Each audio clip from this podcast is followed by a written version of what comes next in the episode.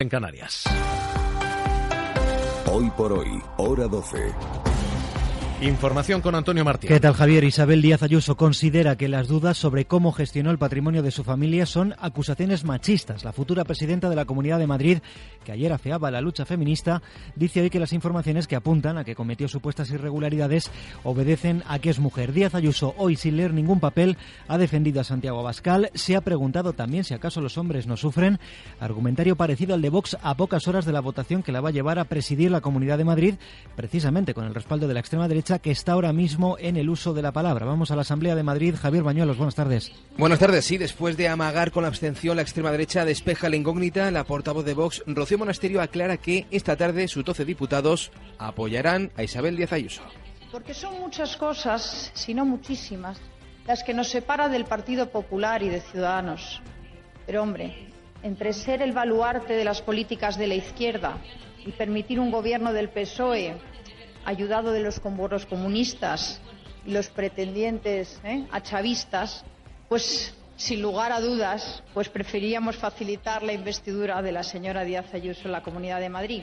Rocío Monasterio se sube al barco después de que la candidata popular haya hecho nuevos guiños a Vox, por ejemplo, con una férrea defensa al acoso mediático que sufre Santiago Bascal. La futura presidenta nada ha dicho del caso Aval Madrid, que según, según ella misma merece un punto y aparte. Ayuso se siente víctima de una campaña machista como la han rozado por los pelos y han visto que han tenido por primera vez en más de 20 años la oportunidad remota de ir a las instituciones a crear esas instituciones paralelas de resistencia mientras gobierna el adversario, se han quedado por los pelos en la puerta y ¿qué tienen que hacer?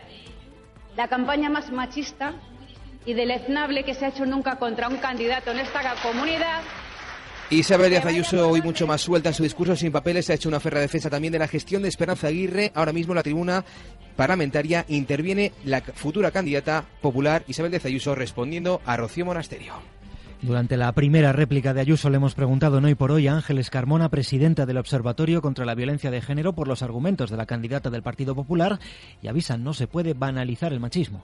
No vamos a dar pasos atrás en la lucha contra la violencia de género. España es eh, un país que está siendo imitado, premiado por las legislaciones de nuestro entorno. No nos podemos permitir el lujo de banalizar esto, que la violencia machista mata, preocupa y que además influye de manera desproporcionada sobre las mujeres. Oscar Camps, fundador de Open Arms, ha denunciado esta mañana en la SER que Pedro Sánchez no se ha querido reunir con él todavía para solucionar la situación actual del barco, que mantiene desde hace días a más de un centenar de personas a bordo sin que ningún país le ofrezca un puerto seguro. Sí ha hablado con Merkel o con Macron, pero Camps nos ha contado que no, que no ve que vaya a haber una solución a corto plazo y ha avisado además de que la convivencia a bordo es cada vez más difícil. Amplia María Manjabacas. Las condiciones ya son extremas para tanta gente tan poco espacio, las mareos, falta de agua, el umbral de tolerancia y de violencia ya es muy, muy alto, nos decía Oscar Camps, mientras los políticos desde un despacho con aire acondicionado son incapaces de arbitrar un sistema de reparto.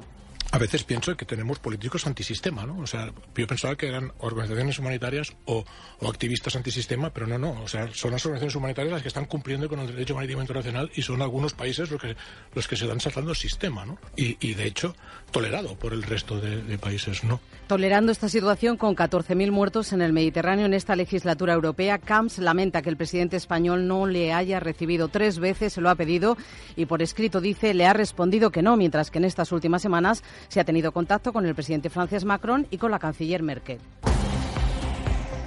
12 y 4, la economía de Alemania cayó una décima en el segundo trimestre. A la principal economía europea le ha afectado especialmente la guerra comercial entre Estados Unidos y China. Bajan las exportaciones y se queda a las puertas de la recesión. Corresponsal en Berlín, Carmen Viñas. La economía alemana vuelve a recibir una mala noticia. Su Producto Interior Bruto se ha reducido un 0,1% en el segundo trimestre del año y si vuelve a contraerse en el trimestre de verano, entraría en recesión técnica.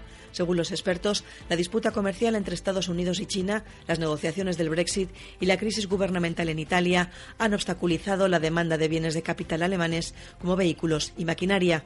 El ambiente en el sector industrial está enrarecido desde hace unos meses, sobre todo en el del automóvil, donde el estancamiento de las exportaciones y las bajas inversiones han sido la tónica general. La economía de la zona euro aumentó en ese mismo periodo dos décimas, la mitad que en el primer trimestre del año acusa, por tanto, también esa contracción de Alemania. Más cosas, Brasil ha autorizado la extradición a España de Carlos García Juliá, condenado por ser uno de los autores de la matanza de los abogados abogados laboralistas de Atocha del año 77. García Julia solo ha cumplido 14 de los 193 años de cárcel a los que fue condenado y volvió a ser arrestado, recuerden, el pasado mes de diciembre en Brasil, informa Javier Álvarez. El asesino confeso Carlos García Julia podría ser entregado a España en un plazo aproximado de tres meses para que termine de cumplir la condena por el asesinato de los abogados laboralistas de izquierdas en Atocha al inicio de la transición.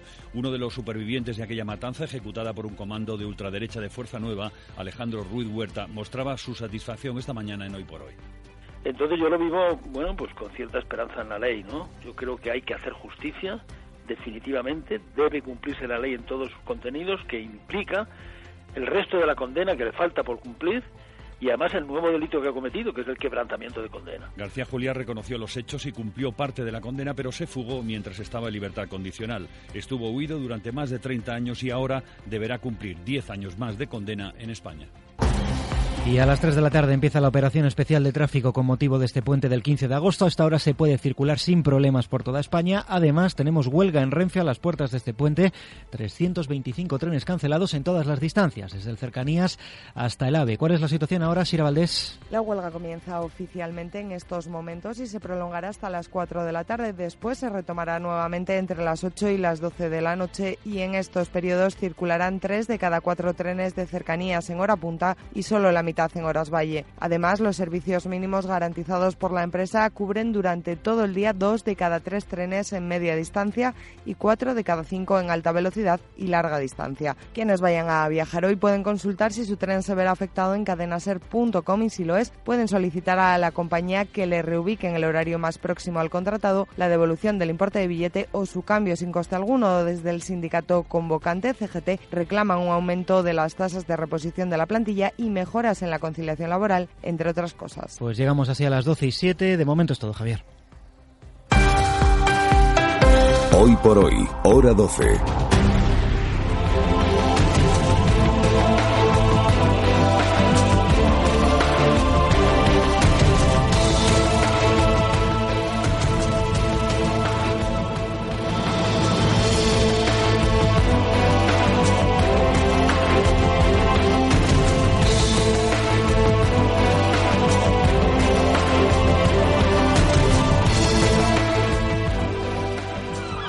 Aquest estiu està guai amb Ser Catalunya. Hola, està trucant al Ser Catalunya. Per la seva informació, aquí a l'estiu no treballa ni Déu. Així que qualsevol cosa que necessiti hauria de parlar directament amb serveis mínims. ¿Qué diantres es eso? Es algo magnífico y hará que todos sus deseos se cumplan en un instante. Gràcies.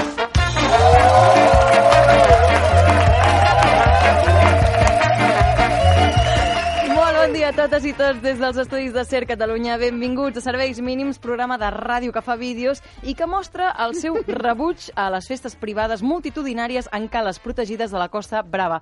Això no pot ser.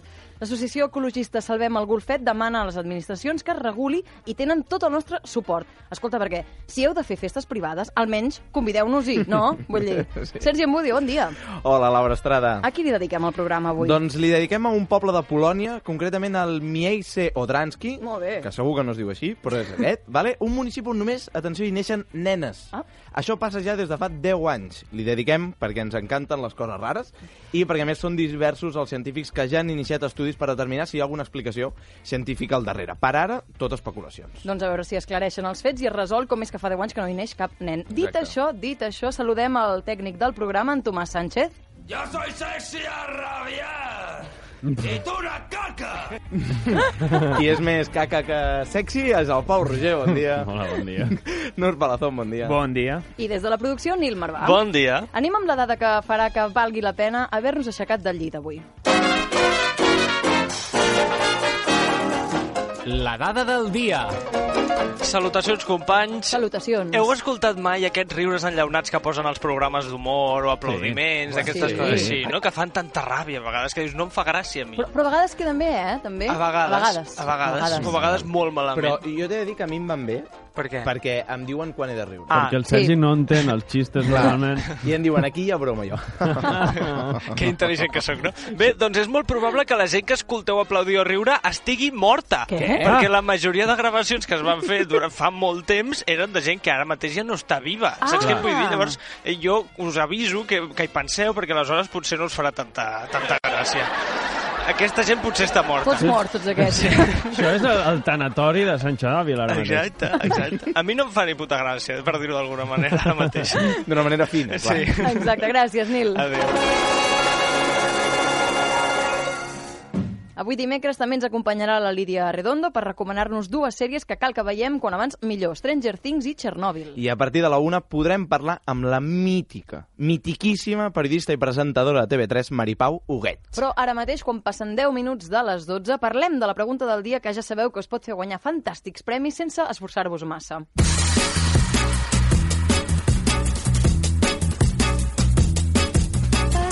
Avui hem fet una cosa ultra poc radiofònica. Per variar. per variar, exacte.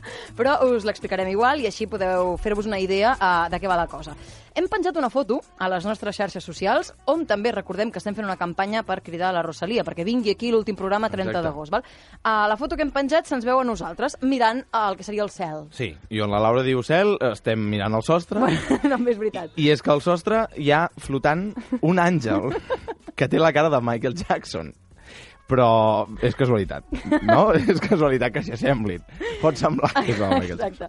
Llavors estem demanant que poseu, atenció, un títol a la foto. Recordem, Sí. hi ha Michael Jackson, podríem dir, volant, Sí. nosaltres a sota sent il·luminats per tanta bellesa, i heu de posar un títol a la foto. Per tanta bellesa i per tant mal rotllo, perquè la, la foto dona molt mal rotllo. Va, entreu a les xarxes, arroba serveis mínims, Twitter, Facebook i Instagram, allà ho trobareu i poseu-hi títol. Vale? I si, a més, val la pena fer-ho perquè si participeu podeu emportar-vos una entrada doble per anar a veure El Cigala. Mi gato se está quejando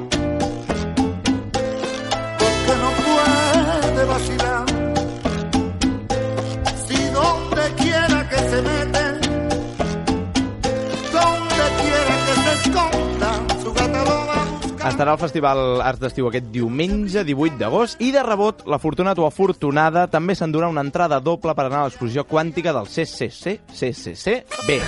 Tres Cs. Totes B. aquestes Cs. Dit això, escolta, anem a veure quin cos ha posseït el dimoni.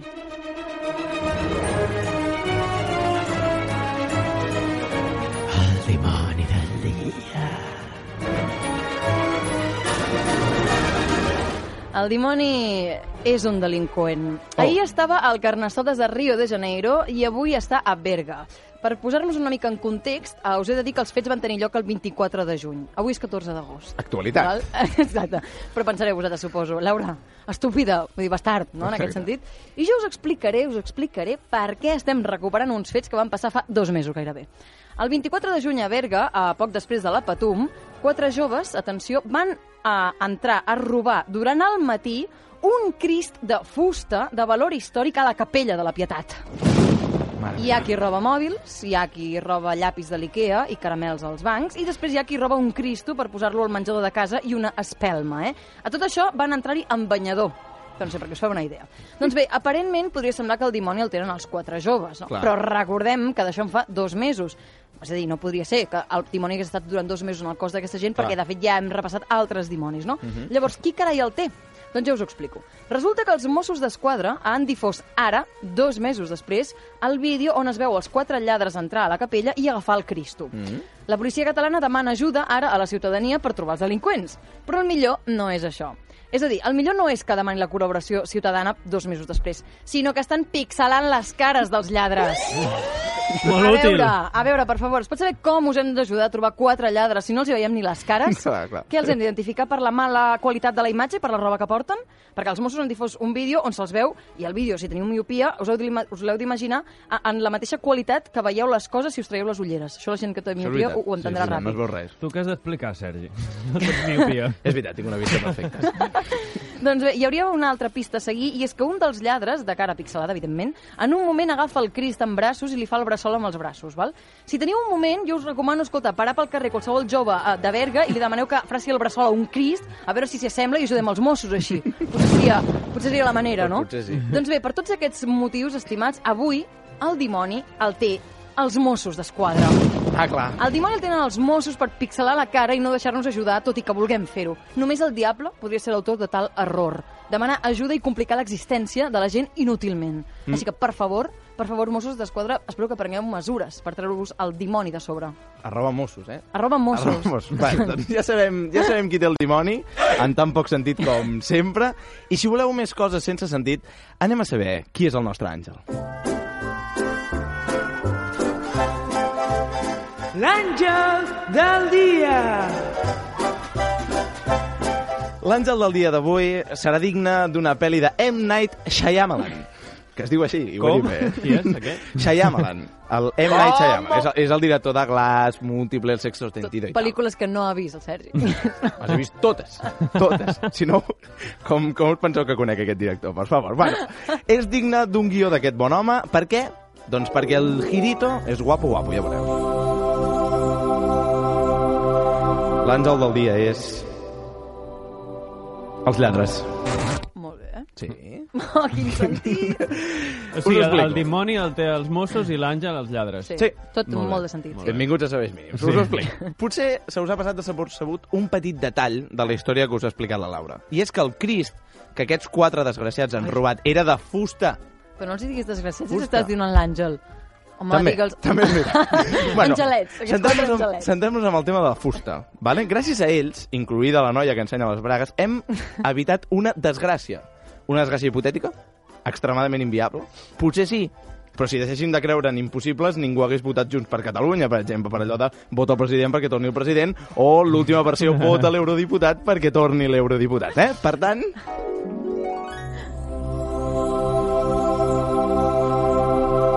això d'avui és llarg, eh, també? Vinga.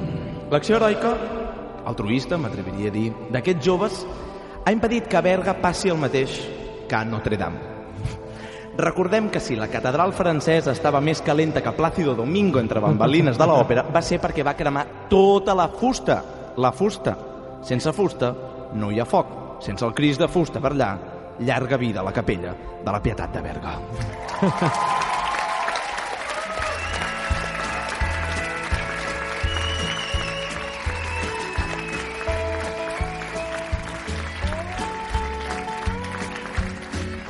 I una setmana més, en Nil ja Ei, té per quin cada... canvi de registre, Sí, ara. has vist? Has Sí. vist, eh? El que, no sé si, el que no sé si superaré el nivell de Sergi Ambudio, eh? No, això segur que no. És difícil. Això segur que no. Part. el Nil té aparcada, com anava a dir, la, la furgoneta a la porta d'aquí de Ser Catalunya, Sí. aprofitant que hi ha obres al carrer Casp, i que pot aparcar sense cap problema, perquè només hi entren les obres i tu, amb la Correcte. furgoneta. Sí, però avui no anirem gaire lluny, Sergi Ambudio. Ah, no? Tampoc agafaré una furgoneta, avui Ah, estic rebel, sinó que perfecte. agafaré un camió Apa. eh, per anar a veure com viuen l'agost uns professionals molt importants de la ciutat i ara entendreu per què. Molt bé, on anem avui? Anem al Parc de Bombers de Montjuïc. Quina superfície té? 3.000 metres quadrats. I quina zona de Barcelona cobreix? La portuària i els districtes de Ciutat Vella i Sants Montjuïc. Molt bé, i quantes portes té? Doncs set grans portes per la sortida de grans vehicles i dues més per l'entrada de material.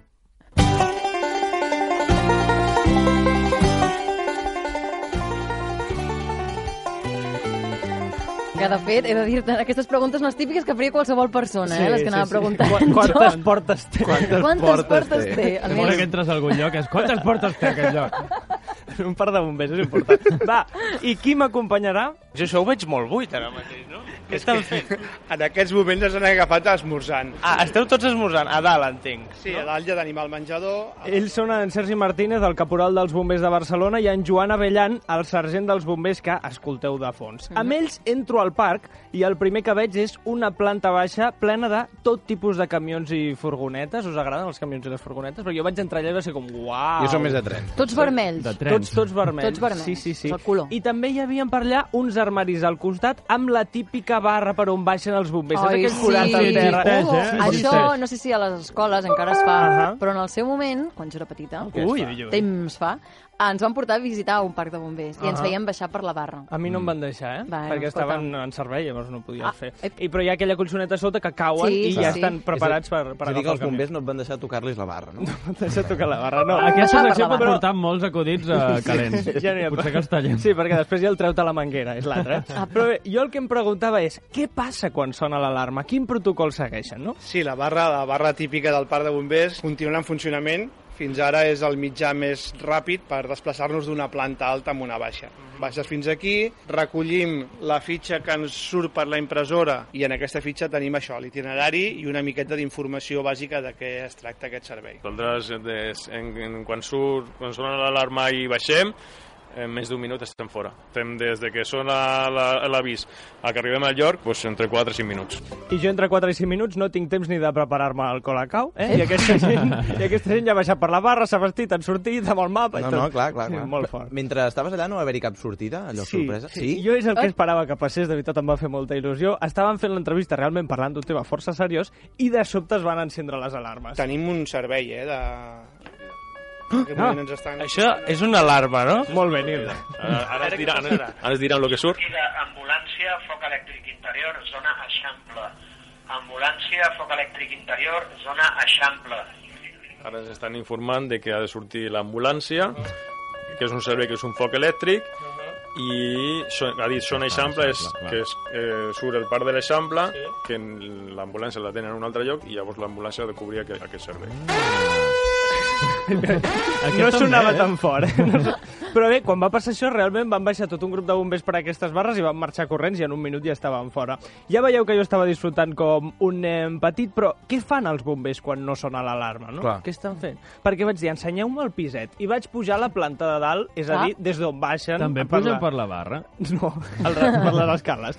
I a la planta dalt tenen menjadors, sales d'estar i fins i tot una sala de descans on em va dir que tenen temps de mirar el futbol perquè ells es passen 24 hores de jornada Clar. laboral. És a dir, tenen 24 hores i després 3 dies de descans. Sí, de fet, sobre això es va, es va fer viral uh, durant el Mundial de Futbol de l'estiu passat Ai, uh, ai. uns bombers que em sembla que eren croats Sí. i que estaven mirant una tanda de penals, va sonar l'alarma i es van no ha- bom, bom, de- bom, bom, i van marxar. Clar, no? I jo els vaig preguntar, clar, aquí deveu fer la becaina, no? Esteu fent una siesta i diu, sí, clar, i si són alarmes de marxar Clar, corrents. clar, clar. Saps què Fins i tot hi havia parcs de bombers, um, no sé on queda, eh, però Mhm. anant cap a, cap, a, cap a Vic, crec que és, Sí. o cap a Ripoll, um, passes per un costat d'un d'un parc de bombers i tenen, de fet, camps, de, en aquest cas, de bàsquet. Ha Clar, com per, camp per de estar bàsquet. allà, sí, sí, ells també. han d'entrenar també. Mhm. Però bé, tot això, 24 hores de jornada laboral, implica allunyar-se de la família Clar. durant un dia Clar. sencer. Un dia sencer, que el pare s'apareix, un diumenge, un dissabte, un dia de Nadal, un dia de Reis, eh, un dia de Cap d'Any, pues, hi ha dies especials que a vegades la família no pot estar amb ella. Cap al vespre és quan veus més pels racons a, tot, a tothom doncs, trucant per telèfon a, a casa, no? Després de sopar, si t'hi fixes una mica, fas un vol, veus a la gent trucant i parlant amb els nanos, amb els nous telèfons i de més,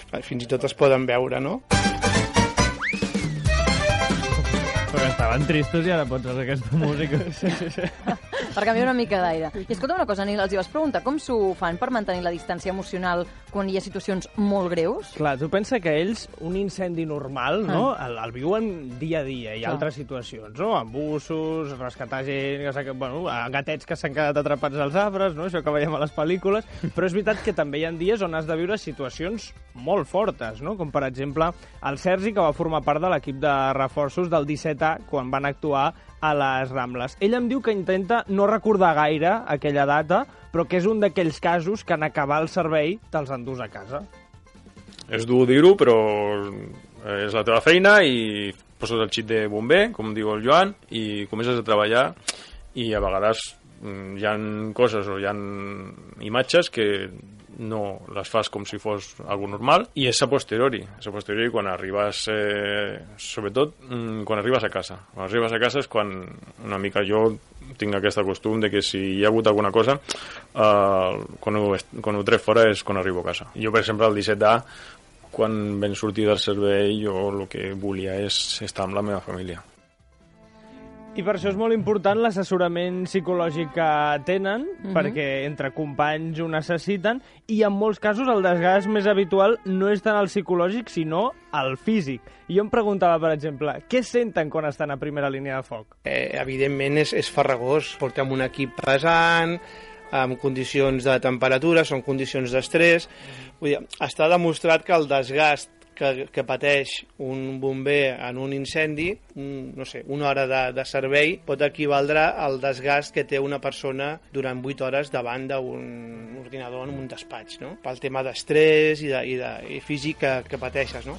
Clar, és que No ha estat- que has de sentir... No ha estat a la redacció de serveis mínims. No imprimim els guions, no surten els guions, on és el Nur, on és el Víctor...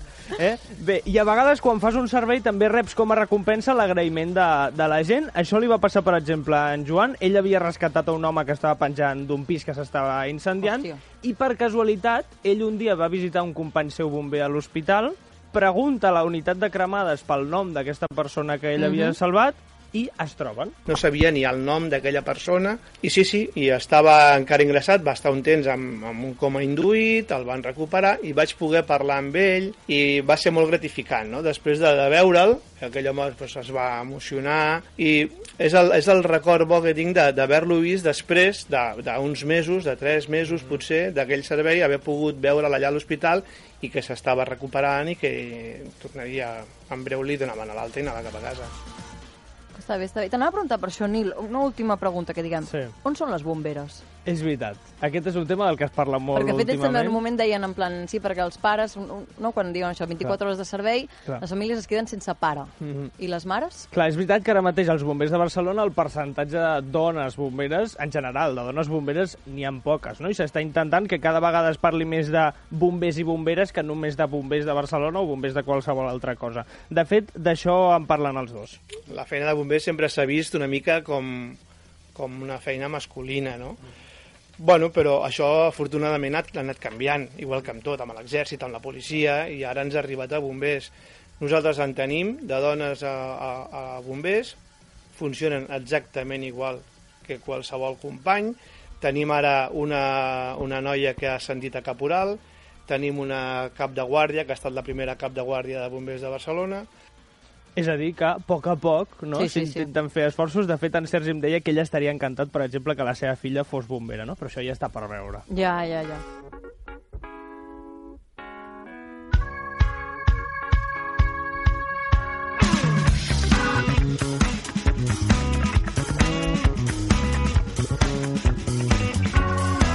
Doncs moltes gràcies, Nil. Ha estat molt interessant. Suposo que la setmana que ve, no sé fins a quin punt, també t'embarcaràs en una altra història d'anar a descobrir altra gent o com viuen l'agost en altres... Anirem als Mossos. Sí o no? no, ja, ja Sí, prou. però- Ja prou d'emergència. Però aquí, aquí, aquí hi ha un tema, que d'això que és la diferència, sobretot de percepció de la ciutadania, Mhm. de mm, els bombers o els Mossos, Sí, o sí. la policia, no? És a dir, sempre veiem el bomber com l'heroi i després Ah. la policia com el espera que em vindrà a multar. Sí, sí. Clar, però també és, com perquè és això, perquè el policia en teoria imparteix justícia, en canvi el bomber salva És vides. una feina clar. molt més agraïda, la del Exacte, bomber, o sigui, sí, qui sí. estarà en contra d'un bomber, no? No trobaràs ningú igual que un metge. Qui estarà en contra d'un metge, no? Ah? Ah, ah, Ja que la el és trobaries, ja. Teniu alguna per aquest- I escolta, parlant de bombers, bueno, passem canviant de tema, perquè ara toca parlar... Parlant de bombers, Ho opa. hem dit abans, ho hem dit abans amb en Freddy a, a l'Aquí l'estiu. Sí. Uh, hem introduït, ho deia el Sergi abans, que aquí Serveis Mínims donem veu a gent que no sé fins a quin punt hauria de tenir veu, no? És gent que donem Bueno. per vàlides unes opinions Bueno, sí. que estan una mica cons, bueno, estan no sé, què, fonamentades. Hem, hem agafat com a, com a modus operandi, com a, com a mm, filosofia de vida, la llibertat d'expressió absoluta.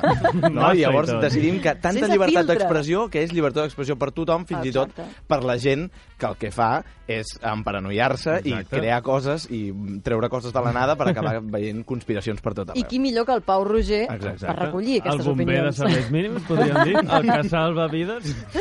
Què ens, No. què ens portes avui, Pau? Avui ens posem una mica satànics eh, perquè en aquest programa sempre parlem del dimoni, sí. Sí. la Laura sempre fa el Gràcies. dimoni del dia, però no sé si li tenim prou respecte. Home, espero que sí. Bueno, eh, no ho sé, això és discutible, però el dimoni pot fer coses meravelloses si li dones alguna cosa a canvi, d'acord? Hi ha els famosos pactes amb el diable que Sí. apareix, aparentment et concedeix un desig si li cedeixes la propietat de la teva ànima un cop et moris. Sí.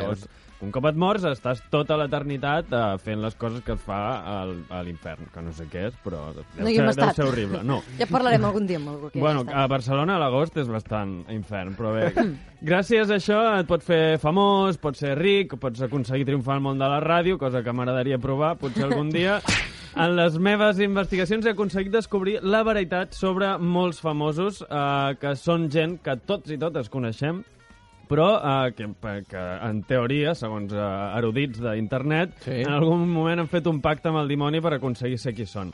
Per això, Laura, et Ai. demanaré una cosa que normalment faig jo, Hòstia. però eh, necessito un petit favor, perquè ara és la meva secció. Quan soni la música ja saps què has de fer.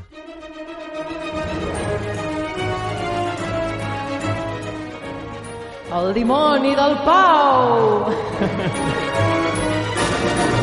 Molt bé, efectivament és el meu dimoni, Que només bé. meu. Eh, T'ha agradat fer això? Visca! Uh... Tenies ganes de fer-ho?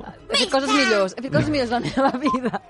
De fet, aquest dimoni no és uh, ni meu, sinó de gent amb molt temps lliure que dedica a demostrar amb proves de merda que gent ha fet un pacte amb el diable. Tot bé. Us aportarà alguna cosa a aquesta secció? No. Us Ah. canviarà la vida? Tampoc. Vaja. Però la faré igualment? Sí. Uh, anem al tema. És el youtuber ZDI que ens diu que té el dimoni, no té el dimoni, ha fet el pacte amb el dimoni Eminem. Son muchas las veces en las que Eminem habla de su pacto con el diablo y de las voces que escucha constantemente en su cabeza. Y en Say Goodbye to Hollywood, él cuenta cómo vendió su alma al diablo. Parte de la letra dice así, Estoy atrapado, si pudiera dar marcha atrás, nunca hubiera empezado con el rap. Vendí mi alma al diablo, nunca la recuperaré. Es demasiado claro al decirlo, lo dice explícitamente. Otra de sus canciones más impactantes y tal vez la más reveladora es The Monster, la cual interpreta junto a Rihanna. Y esto no es casualidad, ya que ella también habría hecho un trato con entidades infernales. Clar que sí. Clar. tothom. Exacte, tothom ha fet un pacte amb el diable. Uh, ZDI es pren tot el que diu tothom de manera extremadament literal, Molt com si totes les cançons diguessin la veritat, no? Si l'Eminem diu que, que ha vengut l'ànima al diable en una cançó, deurà voler dir que ha vengut l'ànima al diable, Clar, clar. efectivament. Suposo que si fas un pacte amb Satanàs, l'últim que vols és dir-ho en una cançó, no? Però, però jo crec que potser el que està fent és pe- penedint-se, no?, de la cançó. És a dir, quan, quan et diu... Potser s'està lamentant Clar. I ja està, però no està dient en cap cas que, Exacte, que sigui no, ell veritat. està- ell- és una cançó lírica. Eminem fa cançons molt personals i tal, i llavors Clar. sempre té, utilitza metàfores i aquestes Sí. coses. Però això és com quan Charango diu una lluna a l'aigua, no és que Charango... No és que hi hagi una lluna a l'aigua. Segur? Ara ho has dit. Ho hem comprovat. Bueno, a- el ZDI, DI, i, i Clar. em tindria prou amb això, només. es tiraria dins l'aigua. Palazón, estàs posant Charango al mateix nivell que Eminem? Sí. Nord Palazón queda Aquí expulsat. distante. A més, a més, si ja és poc subtil dir les coses explícitament a les cançons, ajuntar-te amb una altra persona que ha vengut la seva ànima és potser una opció encara pitjor.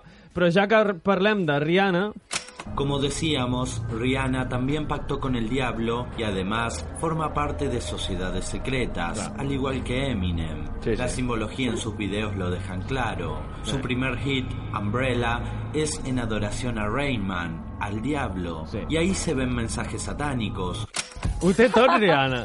Ho té absolutament tot. Uh, té pactes amb el diable, societats secretes... Missatges satànics. Efectivament. Però a més una cosa, des de quan el Sí. diable és Rainman, l'home de la pluja. Rainman es veu que és un, un dels diables, és Rainman, però, però, però efectivament, uh, Umbrella diu Rainman uh, perquè és l'home de la pluja. Clar, clar. Més està clar que aquesta cançó és la més satànica de la història, Sí, no? sí. Pugem una mica un moment. Aquí, efectivament, està- s'està comunicant amb Satanàs. Tothom ballant a ritme de Satanàs a les discoteques del món. Bé, torna, eh, tornem al, a, a Badabun, que és un, és un youtuber que es diu Sí. Badabun, que ens inspira molta confiança, i ens revela la veritat de l'estimat eh, del Nur, que és Nicolas Cage. Este gran actor por quien parece que los años no pasan. Tan es así que muchos lo han acusado de ser un vampiro. Y no, no como en las películas de Crepúsculo, sino como uno que se reinventa cada 70 u 80 años para pasar desapercibido. Como prueba de ello, varios medios han mostrado esta imagen de 1870 tomada por un prisionero de guerra, donde se presume que el actor vivió durante la guerra civil. A veure, la prova que ens està ensenyant és una fotografia amb un, una persona antiga amb una mica de semblança amb el Nicolas Cage i això ja és la prova definitiva de que Nicolas Cage eh, està, ha fet un pacte amb el diable i, a més, és un vampir. Si tothom que semblés jove fos un vampir, Jordi Hurtado seria el rei de la nit i el nostre productor Nil Marvà seria el seu deixeble. Podria ser. Però no vull acabar aquesta secció sense fer una mica de servei públic, perquè qui seria jo si no aportés contingut de qualitat. Clar, clar. Segur que us esteu preguntant tots, ara que he vist tot el que puc aconseguir, com faig un pacte amb el diable, no? Ara, aquesta és la Aquesta és la pregunta, pregunta. A qui hem de trucar? Sí, A qui hem de trucar? Molt bé, anem a veure-ho. Ens ho explica pas a pas a El Camerón Pelao, que és del canal Mundo Creepypasta, que, que si us penseu que és un pelacanyes, no, té 73.000 seguidors a Uau. YouTube, d'acord? No és broma. Comencem el ritual. Tendrás que empezar por hacer tu ritual en un día en el que los infiernos sean más cercanos a la tierra. Ujú. Estos son el día de la Asunción de Nuestra Señora, la víspera de San Juan Bautista y el primer día de Pentecostés. Ujú. Sin embargo, también puede ser intentado los días 4 de cada mes, si se sacrifica un gallo negro 12 horas antes de comenzar el rito. D'acord, Molt bé. apunteu, d'acord? El dia 3 de setembre hem d'estar tots preparats amb un gall negre a casa. No sé on es troba un gall negre, si algun oient ho sap ens, ens avisa, Sí. i matar-lo cap a les 3 de la tarda, perquè el ritual s'ha de fer a les 3 de la matinada. Molt bé, seguim amb el ritual. Has de encender una vela, dibuja en el centro de la habitación un círculo de aproximadamente un metro de diámetro, con una mezcla de cobre rojo en polvo y carbón molido, y otros seis círculos cada vez más pequeños en el interior de este. Escribe los cuatro puntos cardinales. Por último, coloca una pluma de cualquier animal en el sur, un trozo de tu carne o la de otro ser humano en el oeste, tierra o arena de cualquier lugar en el este, y un feto de chivo al norte. D'acord. Què carai A veure, anem a resumir. Per seguir amb el nostre projecte Art Attack, recordem que necessiteu primer coure vermell i carbó molt, llavors això fas una barreja, també necessites una ploma de qualsevol animal, un tros de carn teva o de qualsevol altra persona, una, un amic us pot ajudar en aquest tema. Creieu que els repelons funcionen? Potser sí, clar, Vale. això s'hauria de Sí, preguntar. tampoc us heu de tallar, us heu de desmembrar. Sí, a veure. I després també necessiteu terra d'algun lloc eh, random i un fetus de chivo, que és una cabra... Eh, Mm. Ara, no sé aquest, aquest és superfàcil Ha de conseguir. molt divertit veure una persona al Mercadona buscant això. Oiga, perdone, ¿tiene un feto de cabra? Sí, I assegurar que, que ningú t'entri a l'habitació quan estiguis fent aquest, aquesta martingala, perquè, clar, et poden tancar directament A en més, un d'estar fosques. A més, d'estar fosques dins de l'habitació. Fàcil, oi? Doncs molt bé, companys, bufar i fent polles, seguim.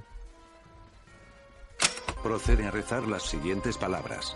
Pater Nostre Satangus, Sanctificetur nomen tuum. Fiat voluntas tua, sicut in infernus, et in terra. Sed libera nos, o Pater Lucifer benditum. Vale. Lucifer, men, men. Super senzill, d'acord? Això es pot dir això en llatí o en la seva traducció al castellà. Es el vecino el que elige al alcalde y es el alcalde el que quiere que sean los vecinos el alcalde.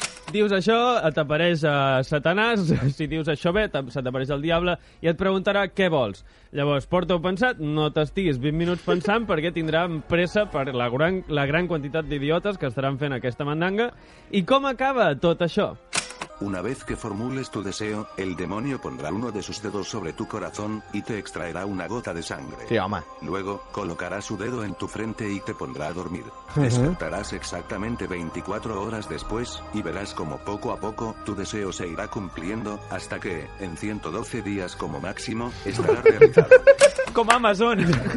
és un ritual perfecte per a gent que té molt temps lliure. Clar, però, però no hi ha un dimoni premium? Sí, això és el que, Que ràpid. ràpid. Que no te l'enviï una tortuga. Més necessites estar 24 hores dormint. És Ja, un privilegi que es pot permetre poca gent. És que estava pensant ara, dic, bueno, ho fem demà, que demà és festa, però Sí. clar, el divendres tenim programa, Clar, no, podem estar necessita- dormint. Exacte, esperem-nos a setembre, tonteria. això, el dia 3 Sí, de sí, sí. setembre eh, o el dia 4 eh, comencem a fer el ritual i bé, Sí, sí. al cap de 112 dies podrem ser famosos. que bé. Doncs moltes gràcies, uh, Pau. De res. Aquest, aquest ritual ja espero que ho hàgiu après, après a punt. Si no, ho podeu recuperar sempre, com dèiem, que ho pengem després a Spotify, Evox i companyia. Escolta, anem un moment a publicitat i tornem de seguida. Fins ara. Esteu escoltant Serveis mínims T'espera una cervesa ben fresqueta. amb Laura Estrada i Sergi Ambudio. Una cosa és la feina i l'altra els col·legues, no fumem. A Ser Catalunya. Frustrarte, ser buen conductor y pagar de más por mi seguro. Mutuarte. Traerte a la mutua tu seguro de coche y tener lo mismo, pero por menos dinero. Vente a la mutua y te bajamos el precio de tu seguro de coche, sea cual sea. Llama al 902-555-485. 902-555-485. Vamos, mútuate. Consulta condiciones en mutua.es. Venga familia, que nos vamos a la playa. O a lo mejor no. Este verano no cambies de planes, mejor cambia el aceite y filtro por solo 79 euros. Y recuerda que tienes un vehículo de sustitución sin coste en operaciones de mecánica. Ford, la increíble sensación de despreocuparse. Oferta disponible hasta el 31 de agosto. Condiciones en Ford.es. Securitas Direct. ¿En qué puedo ayudarle? Buenas, llamaba porque quiero instalarme una alarma. ¿Ha sufrido algún robo? No, es que no quiero que me pase lo que a mi hermano, que cuando volvió de vacaciones le habían cambiado la cerradura de su casa y había gente viviendo dentro. Protege lo que más importa con Securitas Direct, la compañía que protege tu hogar los 365 días del año. Llama ahora al 900-113-113 o calcula online en securitasdirect.es.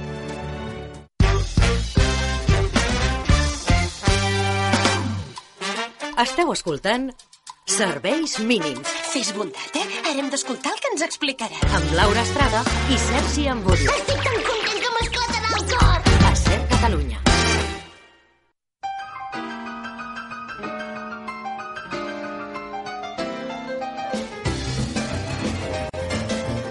seguim fent serveis mínims i toca saludar una setmana més a la Lídia Redondo. Lídia, com estàs? Hola, molt bé. Benvinguda. Acalorada. tornada. Ja, és que fa calor aquests dies, eh? És bastant Terrible. horrorós, això. Sí. Espero que tornin les pluges, tot i que va ploure fa poc, fa uns dies. Va caure una tempesta bastant guai. Bastant heavy, Però- La guai, guai, va destrossar tot Vilanova i la Geltrú. També és A mi em va veritat. caure una cosa de no sé on coi a la meva terrassa. Ah. Què dius? Sí, era com una mena d'imant, algo molt estrany. Un? Encara no sé què és. Un imant? Era, posava algo per com un filtre d'aigua o alguna així, però era un Mm. imant. Mm. No ho sé. Encara he d'investigar una miqueta. Això Coses fa por, eh? rares. La secció paranormal de serveis Parlant de coses rares. Parlant de coses rares, la Lídia ens ha parlat de sèries. No avui, si rares o no. Sí, avui us porto precisament Stranger Things, Ara- la ara tercera temporada, i us porto també una sèrie d'estrena, entre cometes, perquè ja fa una miqueta que està, que és Chernobyl. Val. Doncs posem-nos-hi, si vols, amb Si voleu, exacte, comencem amb Stranger Things. Eh, com dèiem, tercera temporada. Jo crec que la majoria de gent ja haurà sentit a parlar d'aquesta sèrie. La tenim disponible a Netflix i està escrita i dirigida per Matt i Ross Duffer. I bueno, recordem què passava al principi, no? Hi havia un nen de 12 anys a Indiana, vora els 80, que desapareixia. El Will. Exacte, i començaven a passar coses estranyes, no? I apareixia una nena amb poders que els ajudava a trobar el nen i tal, no? Eh, en aquesta tercera temporada, jo crec que si l'heu vista, l'heu vista sencera? No, encara no, tota no. Jo sí. Per Jo favor. sí. Per favor. No direm res, no Capítol direm 3 res. vaig. Bueno, en aquesta tercera temporada eh, veiem una miqueta... Potser dir algun spoiler aquí? No, no, no passa res, ara ja, què he de dir? Veiem com el Hopper ha d'aprendre a portar que l'Eleven i el Mike estiguin sortint, estiguin aprenent coses l'un de l'altre, no? i descobrint coses. La Joyce està plorant una pèrdua de la temporada anterior. Ah, el, No, no volia fer l'espoiler. No, el Bob no. Aquest no era un altre, un altre personatge. Després el Dustin, que torna als campaments i diu que té una nòvia, que ningú es creu Sí. que té una nòvia. I la Nancy i el Jonathan, que tenen una feina en un lloc bastant horrible. I l'Steve i un nou personatge, que és la Robin, que la protagonitza Maya Hawke, que no sé si ho sabreu, però és la filla d'Uma Thurman i Ethan Hawke. De No ho sabia, no ho sabia, però és molt bona. És molt, m'agrada molt l'actriu. A mi m'agrada molt ella i m'agrada molt el seu personatge Sí, i mirant coses i tal, en plan, d'on ha sortit aquesta noia i vaig descobrir això, va ser en plan que fort. I realment, si la mires, té, té una sí, miqueta sí, que de... té, sí. Sí, sí. I, bueno, estan treballant doncs, en una tenda de gelats i el Will comença a tenir com uns calfreds i aquestes coses que li passen quan eh, hi han coses del, de l'Upside Down, Que també he no? de dir que aquest noi és raro, raro, el Will, Sí. eh? És un personatge que no Sí. transmet cap mena Home, de bona que et posin confiança. a tu a l'Upside Down i et deixin allà... Jo trobo que molt bé està, eh? Molt bé està per tot el que ha passat. Bueno, se li, veu, se li veu el trauma als Sí, ulls. sí, sí, sí. Sí, sí és un noi que no transmet. Si tens en una habitació i penses, uf, noi, quina mala energia desprèn. Després veus l'actor i dona molt bon rotllo, eh? Ja. Si el veus parlar sent ell, no? o sigui que ho fa molt bé, vaja. I després tenim el Billy, que descobrirà una cosa bastant terrible. Ai, sí. Uh, crítica per part meva, jo crec que eh, aquesta tercera temporada sembla una miqueta que els primers capítols no acaba de passar res, no és només uh, que si la relació d'amor de l'Eleven i, la, Ma- i el, ui, la Eleven i el Mike i tot plegat, però bueno, ens agrada no, tornar a veure aquests personatges que hem vist tants cops. Mm. Recordem, a part, que es tracta d'una sèrie de ciència-ficció amb tocs d'humor i moltes referències al cine dels 80, per tant, seguim tenint referències a Steven Spielberg, a Stephen King o a George Lucas. I és una sèrie que és, jo crec que és molt addictiva, i tot i que aquesta tercera temporada és més adolescent, eh, crec que segueix tenint el punt aquest de, de Sí. frasco que tenien les temporades anteriors. És a dir, podríem dir que manté l'essència que diguéssim a la primera, perquè la primera temporada potser, crec, eh, si no per sensacions, jugaven molt més amb la por, perquè com que no coneixies exactament què estava passant, jugaven Clar. molt amb el misteri de dir ui, ui, ui, què s'està movent aquí, no? I potser sí que és veritat que ha anat derivant una sèrie ara potser més adolescent, més jove, no sé fins a quin punt és, és, és... ho comparteixes aquest punt de Sí, vista, eh? sí, però també és cert que cada temporada els monstres, diguéssim, el dolent és diferent. Ja. I Sí, però és una sempre mica- arriba de formes diferents, no? Una mica repetitiu per mi, eh? Perquè crec que la primera temporada estava molt bé, però després ja és com, no cal. Exacte. És, Ah. bueno, a veure, estan, jo crec que estan estirant el xiclet i arribarà un punt que no donarà Sí. per més, Sí. perquè al final l'estructura és la mateixa cada temporada. Perquè els nens ja tindran 40 anys i ja no saben. Exacte. No, però bueno, sempre està bé doncs, tornar-los a veure i jo crec que en aquesta tercera temporada sobretot el més destacable potser és el, el disseny de producció que té amb, tant amb els vestuaris, el pentinat, tot plegat, però sobretot és el, el centre comercial, Star Sí. Ah, sí. És una passada com està ambientat, les botigues, tot, és, és genial i jo crec que s'han deixat bastanta, bastanta pasta en, en, Perquè- perquè la tenen. en fer-ho bé.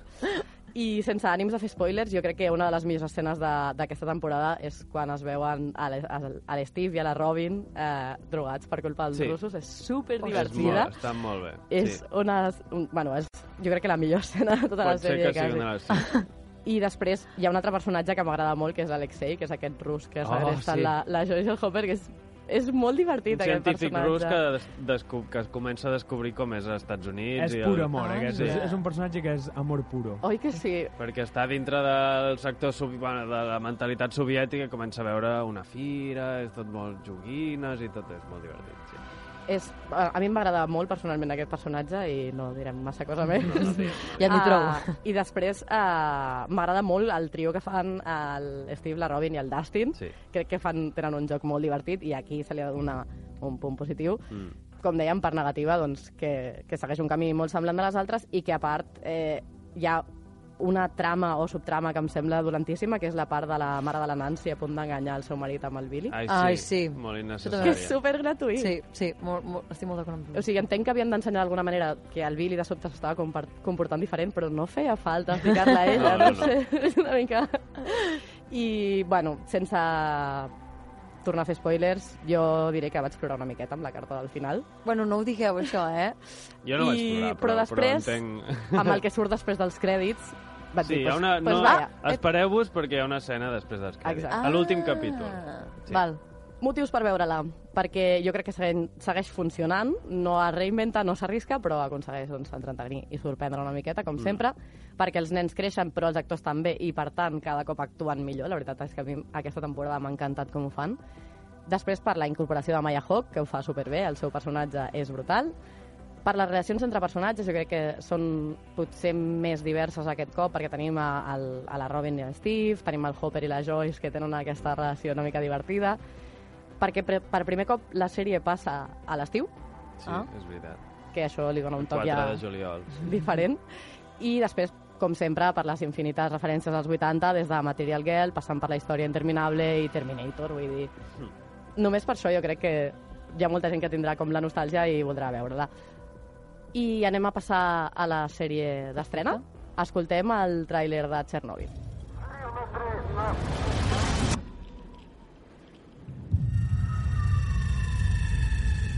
You are dealing with something that has never occurred on this planet before.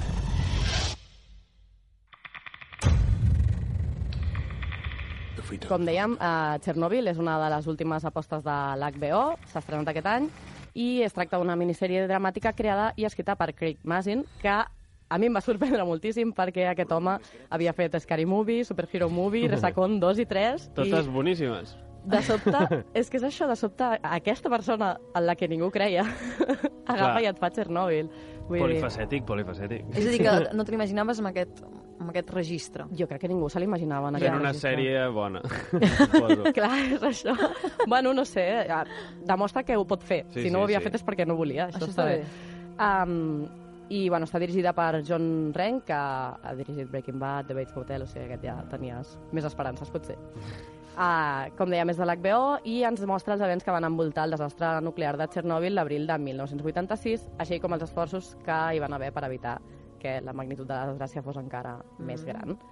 Com sabreu, Chernobyl es situa a la República Soviètica d'Ucraïna i ens explica la història de la gent que va causar el desastre, així com de la gent que va acudir a intentar solucionar-lo. Mm. Jo crec que és molt interessant perquè ens mostra part de la història que són menys conegudes, almenys jo no les coneixia, com per exemple els esforços dels primers bombers que van arribar Ja. a, a l'incendi a l'inici sense saber què passava, els voluntaris, els equips de miners que van treballar per evitar que es contaminés l'aigua del subsol. O sigui, és molt que és, brutal. I és colpidora, és a dir, que la veus i et quedes potser malestar quan s'acaben el, els Sí, capítols? O sigui, sí. és brutal en aquest sentit? Per mi sí. Per mi va ser bastant dura de veure, la veritat. Ja. Val, val, Però val. crec que eh, és molt interessant perquè ens ajuda a veure per què va passar el que va passar i la possibilitat de que pugui tornar a passar realment una cosa així. Perquè, clar, això es, es basa en fets reals, per tant entenc que està ben documentada. És Això tampoc, suposo que tampoc som experts, cap de nosaltres, en Txernòbil, eh? però sí que és veritat que a vegades Perquè ho dius, el Nura és físic nuclear.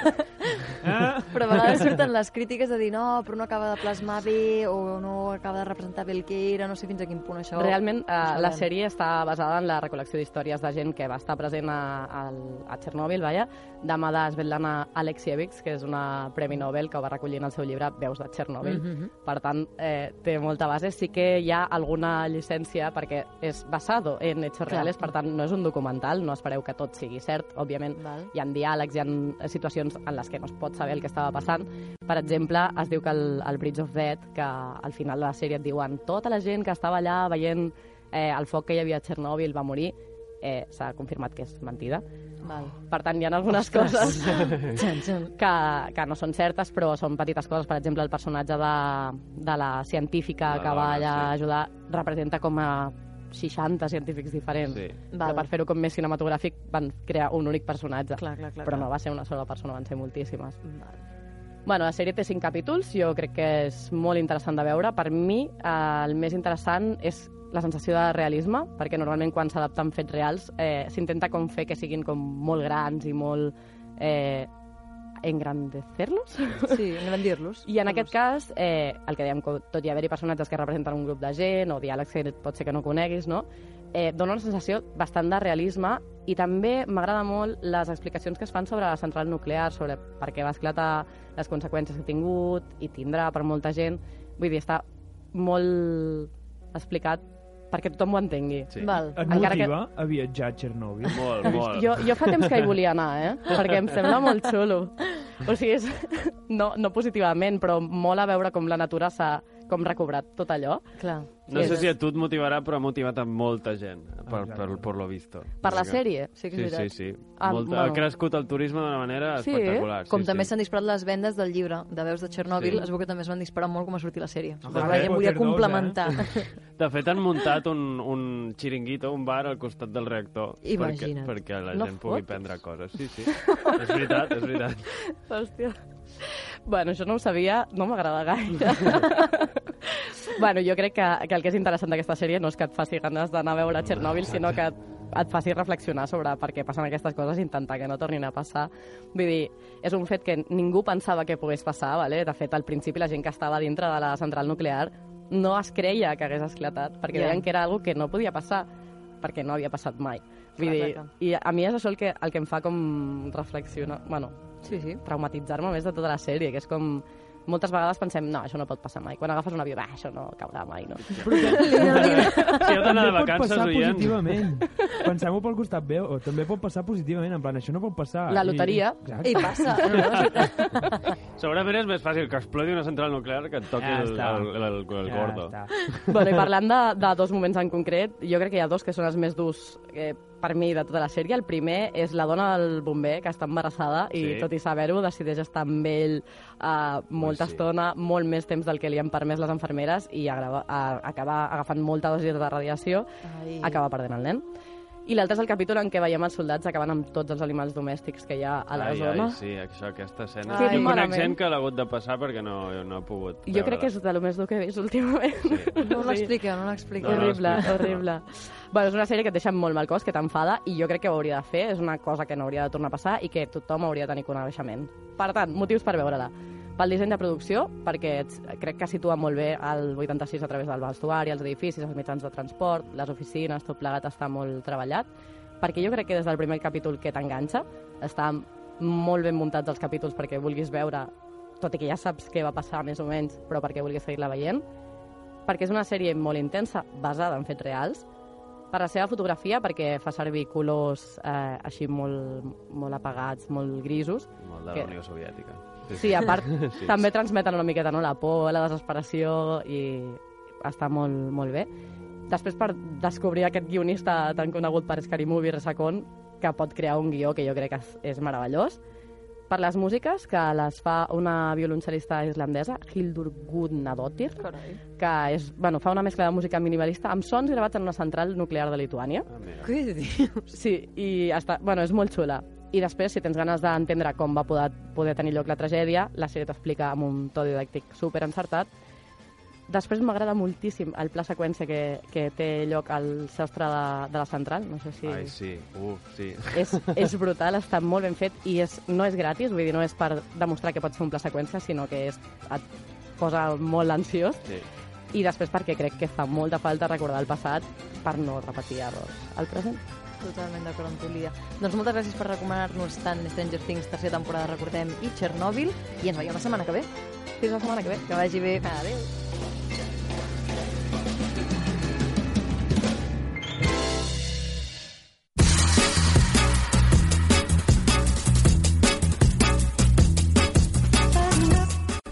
I abans de les notícies de la una, us recordem, com sempre, que tenim regalets, regalets, regalets, regalets per donar-vos. Avui és. una entrada doble pel concert d'aquest diumenge 18 d'agost a l'Arts d'Estiu del Cigala. Sí. Del Cigala, i a més també una entrada doble per anar a l'exposició quàntica CCCB. Com sempre, eh, per entrar en el sorteig heu d'haver participat a través de les nostres xarxes socials. Encara teniu temps, perquè el premi el donarem a partir de la 1 i 6, 1 i 7, quan haguem escoltat el butlletí.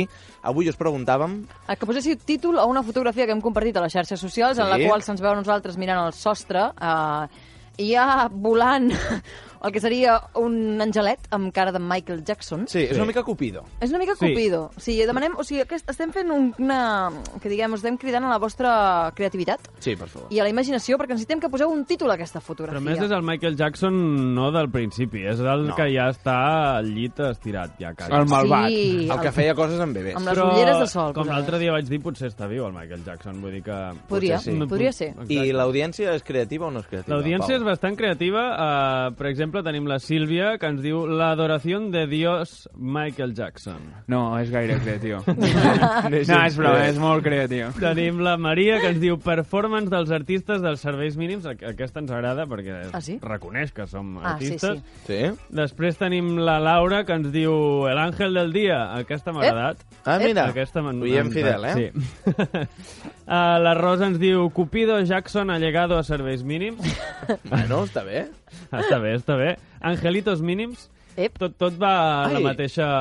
En la mateixa... Clar, però cap de nosaltres som àngels ni cupidos. Però sí, nosaltres tenim- som nosaltres. tenim un és àngel Michael allà. Jackson. I a la teva Clar. panxa, també. També Ah. tenim... Ningú fa menció? Jo no tinc panxa. Mm, Bueno, no. Bueno, tens, però- un, tens un panxot. Això és discutible, però també tenim uh, Bodegón de serveis mínims, uh, això ens diu l'Albert, The Michael Jackson Angels, aquest és internacional, Toma és ja. la Carmen Gaspar. Sempre, en anglès sempre guanya com punts, no? Sí. Queda com més en plan... Sí, sí, és una mica Los Ángeles de Charlie. No Podria. sé si es referia a això. Segurament, segurament. Potser sí, Ara, amb les sí. nostres cares paga. Però bé, uh, doncs ja ho sabeu, podeu seguir com participant en aquests minuts que queden ara fins al butlletí i fins que tornem.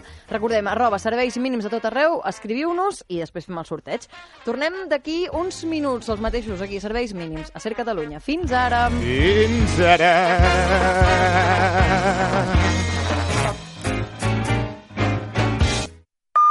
Hola, està trucant a Ser Catalunya. Els informem que actualment tenim la bústia de veu plena. Així que per qualsevol cosa que necessitin, si us plau, parli amb serveis mínims. Vuestro rey sufre con todos vosotros, com- comparte vuestra indignación y co- confía en la fortaleza y Me he equivocado y no volverá a ocurrir. Gràcies.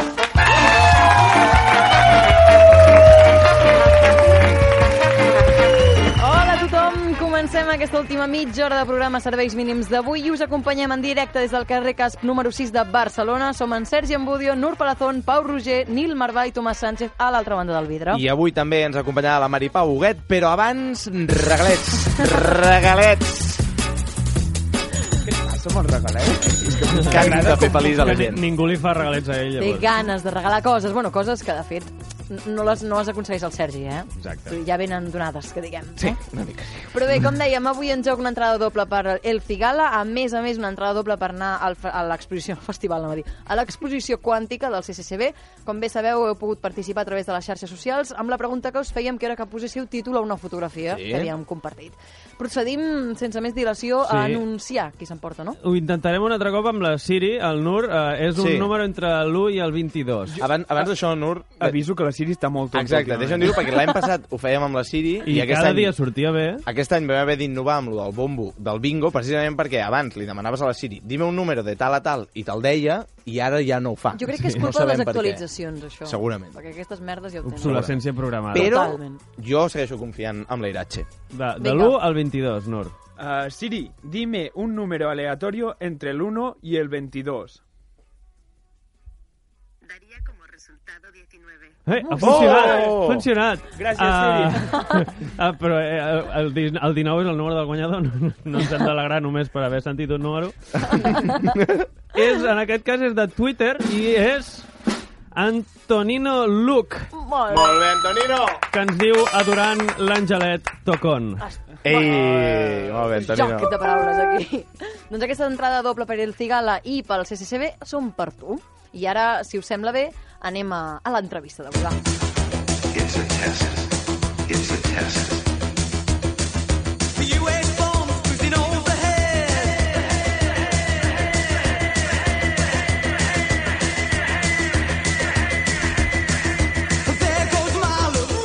Amb Love Missile F-111 i amb un fortíssim aplaudiment rebem a serveis mínims a la Mari Pau Huguet.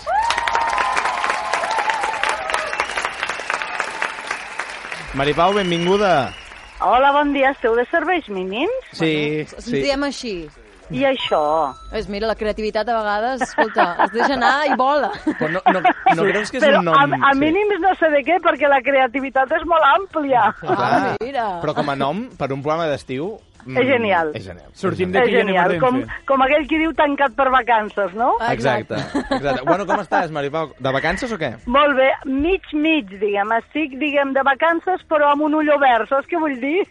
Això sempre, no? Vull dir, bueno, clar, la, la gent que treballa als mitjans de comunicació ja ho tenen, Sí, això, que no desconnecten 24 mai. hores connectats. És que jo penso que ja és un, no sé, ja és, ja és una qüestió de la feina, no? Sí. Jo crec que és un, no sé, forma part del nostre ofici. És la clàusula, aquella clàusula que no ve escrita, però que tothom Sí. dona per sentada que sí, hi és, que no, no? que no t'obliguen en absolut, perquè vacances són vacances, Mhm. però ja és una qüestió teva interna de dir, ostres, ostres, això no pot ser tants dies sense, sense no? Sense. Sí, sí. I d'alguna manera o altra estàs sempre connectat, perquè tens, jo dic que tens totes les antenes obertes. Exacte, és, és de formació professional. Total, Am- jo crec que sí. Maripau, saps per què hem començat l'entrevista amb aquest Love Missile F-111 del grup Sigue Sigue Sputnik? Mm, Per Eleven no capto, no.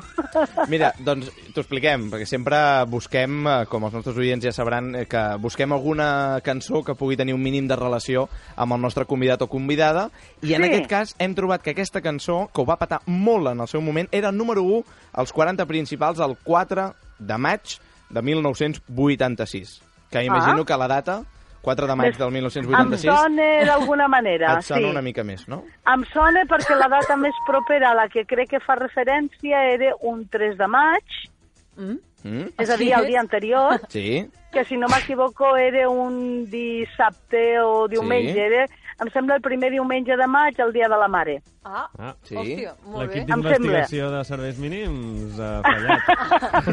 bueno, és que és una cosa molt personal i jo és Sí. normal que me'n recordi. Clar. Clar, no, no, no, clar, clar, clar, clar. Um, també per, a, per aquella època, uh, el, el debut de, de Maripau Huguet a TV3, escoltem, escoltem les, les primeres paraules del Maripau. Cal, cal. Continua l'emissió I tant que cal. diumenge 4 de maig amb l'edició del migdia del Telenotícies cap de setmana. I he, vist- ho hem fet breu, Maripau. Escolta, pues esteu més ben informats. Jo em pensava que era dia 3. Ah. No, 4, perquè fixa't, ah, tu dius... bé, no, sí, ja ho sé per què ho dic. El 4 era diumenge, crec. Sí. I el, I el 3, o sigui, era tot el cap de setmana que jo entrava a treballar, i el 3, diguem, estàvem acabant de formar-nos. Ah, exacte, Sí, exacte. sí, deu ser això, sí. Clar, el, de, el debut oficial era el, era el 4. El 18 oficial... Ah, sí, sí, oficial, teniu raó, era el 4, sí. Mira, Quina- molt bé, Sergi, molt bé. Pots Bueno. dormir tranquil·la. Aquesta Molt bé, molt bé, molt bé. Aleshores, Quina 1 diferència a 0, de... 1 a 0. Quina diferència de to i, i de ritme, eh? Per exemple, entre llavors Mare i de ara. Déu. Aquest exercici que acabes de fer tu, aquest Sí. exemple que has posat, el va fer en el seu moment quan l'Albert Tom feia el programa de la tarda, el magazín, Sí. al, al cap de molt temps, bé, ell l'estava fent, per tant havien passat molts anys del com a casa. I vam fer la mateixa prova. Eh, Ell va posar la careta del seu programa, perquè Sí. era, era el programa a la mateixa franja que jo feia, el com a casa, ell va posar la careta del seu programa i va posar la careta del com a casa que de fet Careta el com a casa, com a programa no en tenia, perquè era l'entrada ja en directe que se'n Sí. feia tots asseguts al sofà, que És no sé veritat. si recordeu, i servint cafè, etc. I la lentitud d'aquella estona fins que la càmera no em feia un primer pla, jo deia, hola, bona tarda, ah, vist amb els anys, era impensable. De deies, no pot ser, la gent, és que la gent s'havia de quedar dormida. Clar. I, és clar i no passava. Vull dir que tot ha canviat molt i justament la rapidesa de, dels mitjans, no només la tele, també la ràdio, és clar, eh, és que ha canviat, mm, vaja, amb una diferència del, del mil per mil, eh? Sí, sí, sí. Bueno, tot és així, ara tot és explosiu, el moment, no? L'immediatesa, Sí. anem Exacte. ràpid, amunt, Tots, avall. de fet, tots a la vida anem així, que si una cosa la pots dir amb dues paraules no en gastes quatre, no? Mhm, clar. I només cal agafar els whatsapps i aquests tipus de missatges que t'has d'aprendre un nou diccionari i un nou llenguatge. Exacte. I amb aquesta, precisament, amb aquesta diferència de ritme, va- vam, vam arribar a la mateixa conclusió eh, fa un parell de setmanes, quan vam entrevistar l'Helena García Melero, una altra Exacte. autèntica institució de TV3. També Sí. vam recuperar el seu debut i la cançó del moment. Era 1992 i sonava això.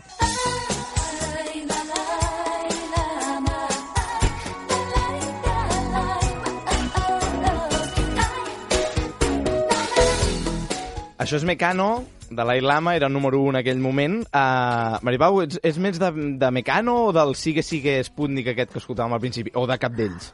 Mira, jo era molt de l'època de Mecano, sí. A més, eh, m'agraden molt les seves cançons, eren cançons que a més a més es podien, es podien coreografiar, si calia, quan feia jazz, o fins i tot s'utilitzaven molt a l'època que es feien escalanifis. Jo eren unes cançons que escoltava molt. Mm. Tant és així que va donar la casualitat que una vegada es- estava a Madrid, potser era un cap d'any, sí? i feien el musical de Mecano al teatre. Sí. I el vaig anar a veure i em va encantar, a- amb allò de la perrita, la laica i tot allò. Sí.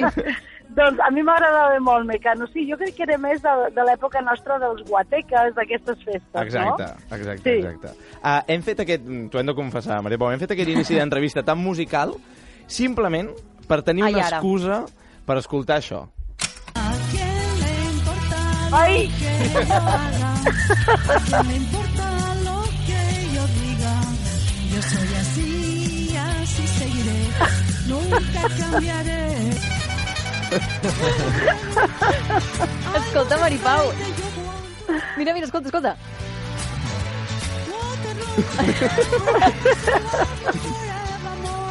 Ai, no em feu riure, és que ho trobeu tot, eh? És que a internet jo té pensava això. que això ja estava desaparegut. Sí, sí, ho, ho vam passar molt bé, però mare de Déu, el que vaig patir, eh? Clar. Primer Clar, clar. pel vestuari, per aquella perruca que és una cosa... Però, mira, ens ho vam passar molt bé. M'ho van proposar després, uns anys més tard, el Canal 33 va fer com un especial cap d'any, també així, tot de karaokes, amb, amb, com amb escalanifi, no?, amb corio. Sí. I a mi em van fer fer que m'ho vaig passar perquè m'agradava molt també l'època de la Rafaela Carrà, Ah, sí. l'explota, explota, m'expló, eh? Oh, i tant. I clar, vaig passar amb una perruca rosa, bueno, va ser fantàstic. I clar, també era el mateix. Mira, només per lo bé que tu passes i després perquè ho recordes com un com una anècdota més, no? Sí, sí. Ja estava bé, i al final, mira, si el, es tracta de riure, doncs riem tots i punt. Perquè, escolta una cosa, moments divertits d'aquests n'hi ha, amb, suposo, a cabassos. Però en recordes algun que sigui molt vergonyós, que t'hagis fet sentir inclús incòmode en algun moment, que t'hagi quedat gravat? Uf, uh, mm, O sempre li podem treure una part positiva per riure i... Eh, No, perquè d'aquell no em vaig treure molt la part positiva. Després hi havia una altra cançó que vam gravar uh, també era per un... quan feia el Bon Dia amb el Ramon Pellicer, que era un Sí. bolero Mm. del Moncho, que, que era maquíssim, i, però aquell... No, no, aquell no.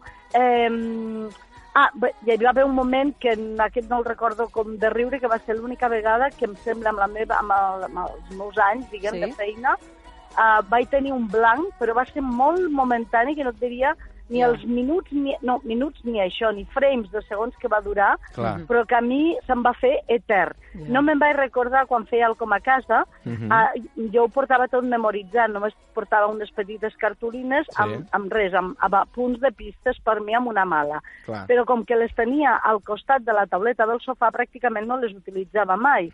I un dia, quan presentava un conseller, que em- em sembla recordar que era el senyor Macià Lavedra, en Pau Descansi, Mhm. doncs uh, no me'n vaig recordar del seu nom, i jo anava dient... No, perdó, uh, no me'n vaig recordar del seu càrrec. Val. I, I jo anava dient, doncs aquesta tarda ens acompanya el senyor Macià Lavedra, que és i aquí em vaig quedar. I, i de cop i volta es va fer una fosa blanc en el meu cervell Oh. i jo em vaig arribar a pensar, perquè realment ho veia, que se n'havia anat l'emissió. No sé si és un recurs que busca el cervell per buscar una excusa, Sí. i me'n recordo que als espectadors els hi vaig dir, però perquè realment ho, ho vaig pensar. Lamentem molt que per uns minuts se n'ha anat l'emissió i en tota aquella estona que jo estava fent aquest di- discurs, suposo que vaig buscar armes per recordar-me'n del càrrec d'aquest senyor. Ostres. I, I automàticament ja em va sortir. I ja ho vaig dir tot així com de carrerilla, no?, que diuen? però, però aquell, aquells frames, jo és que crec que van ser frames, eh? Van sí, sí. ser que no els des- desitjo a ningú. Jo penso que vaig suar més que una hora d'espinning al gimnàs. de debò, eh? Crec, Però, i ho recordo com una cosa, no, no, no em fa riure gens, perquè això no s'ha arribat a trobar mai, perquè és que tothom es va pensar, Clar. els càmeres es van girar mirant els monitors, pensant-se que l'emissió se n'havia anat. Que I que va, que va, l'emissió... Jo estava a l'aire, però va ser, res, un moment, però el meu cervell es va bloquejar. O sigui, és, jo he viscut el que és un blanc, blanc, blanc. O sigui, va- vas fer creure en aquell moment a tota la televisió pública de Catalunya que havia Però caigut. els del control central devien anar de bòlit. Clar, clar. Perquè, clar, devien dir, què diu aquesta, si està a l'aire, no? Si està tot bé, no? Sí. Bueno, va, abans de, abans de continuar, eh, anem a definir, quan, quan ja portem molts minuts d'entrevista, doncs diu, és igual. Anem a definir amb el Pau i amb el Nur el teu perfil d'entrevistada. Molt bé. El perfil. Bon dia, Maripau, sóc en Nur i uh, ella és en Pau. Hola. I et farem Hola. una sèrie de preguntes molt ràpides i picadetes. Són preguntes, ja ho veuràs, molt ràpides i tu has de respondre molt picada. Són perilloses? Uh, No. No. No mosseguen. Som-hi. vale, anem a per la primera. Nom? Maripau, Edat. 50... he fet 57. Professió? Periodista. Quina és l'última cançó que has escoltat avui? Mm, el, el, el, el, el Love Me Tender de l'Elvis- Presley.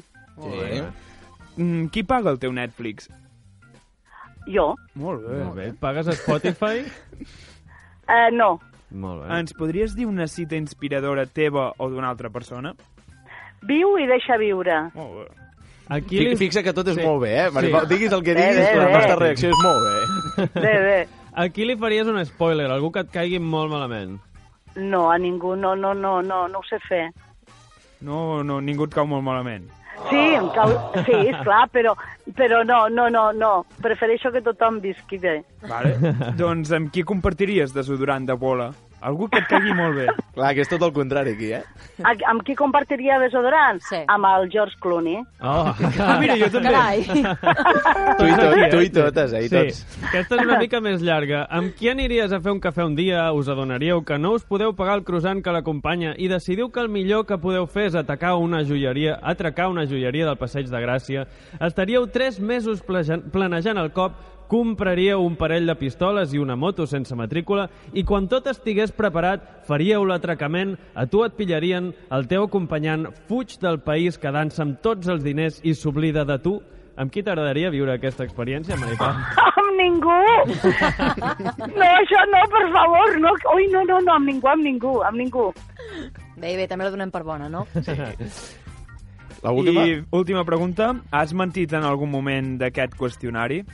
A, a, en cap moment, en absolut. Molt bé. No sé dir mentides. Doncs gràcies per la sinceritat, Maripau. Gràcies, Pau. Gràcies, Nur. Seguim. Gràcies.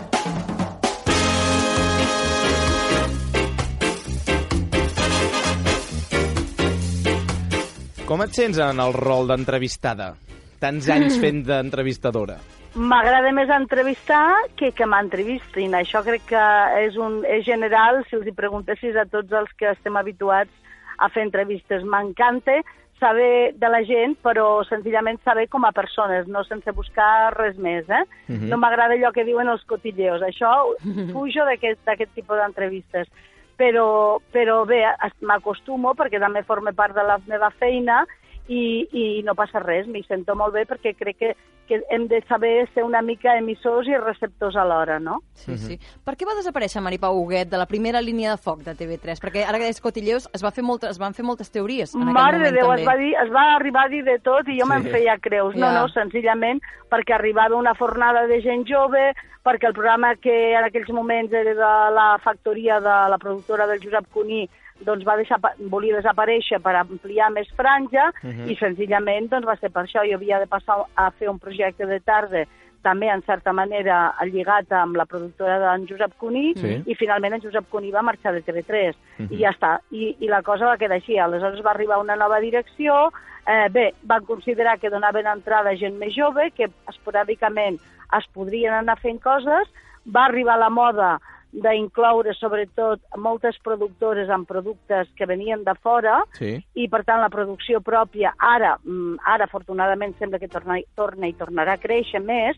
però la producció pròpia va minvar i això vol dir que totes les productores, com és lògic també, arribaven amb els seus productes amb el paquet fet. Vull dir, amb el paquet, vull dir presentador, vull dir Sí. tot l'equip, no? Mhm. com, com es veu, perquè hi ha molta gent que són presentadors de TV3, perquè clar, els veuen per TV3, però que no són gent de TV3, que són companys que venen de fora, que s'acaba aquell programa, marxen i ja està, Clar. no? I que en poden, evidentment, fer un altre. Mhm. I, per tant, eh, diguem, tot ha estat, ha, ha estat jo dic, fruit de, de, les, de diferents modes que han anat apareixent a la tele. A mi em sembla molt bé que donguin vida a tota aquesta gent nova que, a més, ve carregada no et diré d'experiència, perquè per la joventut no en tenen, és lògic i normal, Mhm. com jo no en tenia quan vaig començar, però sí que venen amb una càrrega d'estudis i de coneixements que, sens dubte, és molt més àmplia que la que, la que puc tenir jo ara i la que tenia en el seu moment. Mhm. I, per tant, per mi, benvinguts sigueu tots vosaltres, els joves, però també penso que no s'ha de desmereixer ni, ni han d'aparcar a les persones que encara no estem jubilades Clar. i I que tant, encara i tant. podem fer feina. Jo penso que eh, amb dos, eh, amb dues persones i amb dues generacions podem conviure perfectament, no? Perquè uns ens alimentem dels altres, en Clar, definitiva. Precisament sobre això, Maripau, quan vas deixar de presentar el T'he vist, va- vas fer diverses entrevistes i en totes elles mantenies oberta la porta a tornar a la Sempre, pantalla, no? A tornar a aquesta sempre. primera línia, a posar-te al capdavant d'un programa. Ara, ja uns quants anys després, continua oberta aquesta porta? Sí, per part meva del tot, perquè ni em sento cremada, com, com es diu en el món televisiu, ni en el Mhm. món de la comunicació.